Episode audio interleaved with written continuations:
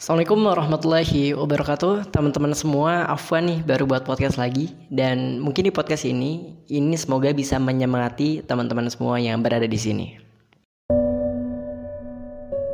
Ternyata perjuangan hijrah itu tidak semudah apa yang kita bayangkan. Badai, ujian itu kita hadapi dengan begitu susah payahnya.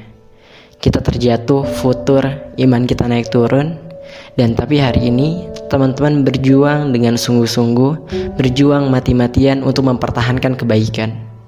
Dan alangkah baiknya kita sekarang meskipun banyak teman-teman kita yang meninggalkan kita, kita merasa tidak sebanyak teman-teman sebelumnya sebelum berhijrah, tapi insya Allah ketika kita sekarang hidup ini hanya untuk Allah, kita jalan untuk Allah, kita melakukan sesuatu untuk Allah insya Allah Allah akan berikan kabar gembira kepada kita berupa surga dan kenikmatannya.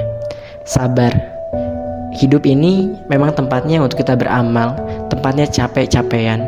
Kalau kita sekarang pengen nggak capek di dunia ini itu nggak mungkin, itu mustahil, itu fana. Tapi sekarang bersyukurlah hari ini kita masih diberikan kenikmatan hidayah oleh Allah Subhanahu Wa Taala. Dan kamu harus tahu nanti suatu saat nanti ketika kita sekarang berjuang sungguh-sungguh untuk istiqomah di jalan Allah Subhanahu wa taala, ada seseorang yang menunggu kita. Siapa itu? Nabi Muhammad Sallallahu alaihi wasallam.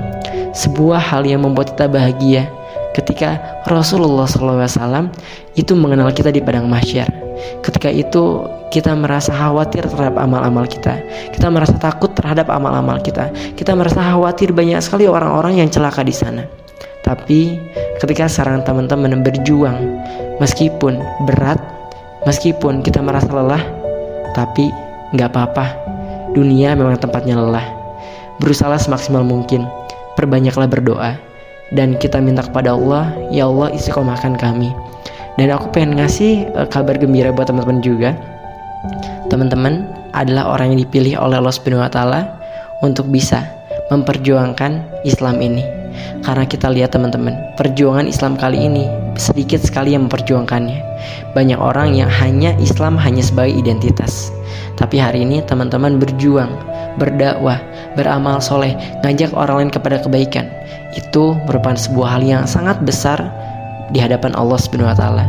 Dan semoga kita dapat mati dalam keadaan baik, dalam keadaan husnul khatimah dan mengucapkan la ilaha illallah Muhammadur Rasulullah. Sabar, dunia ini hanya sementara. Ketika kita tahu sementara, jangan sampai kita lupa dengan ibadah kita.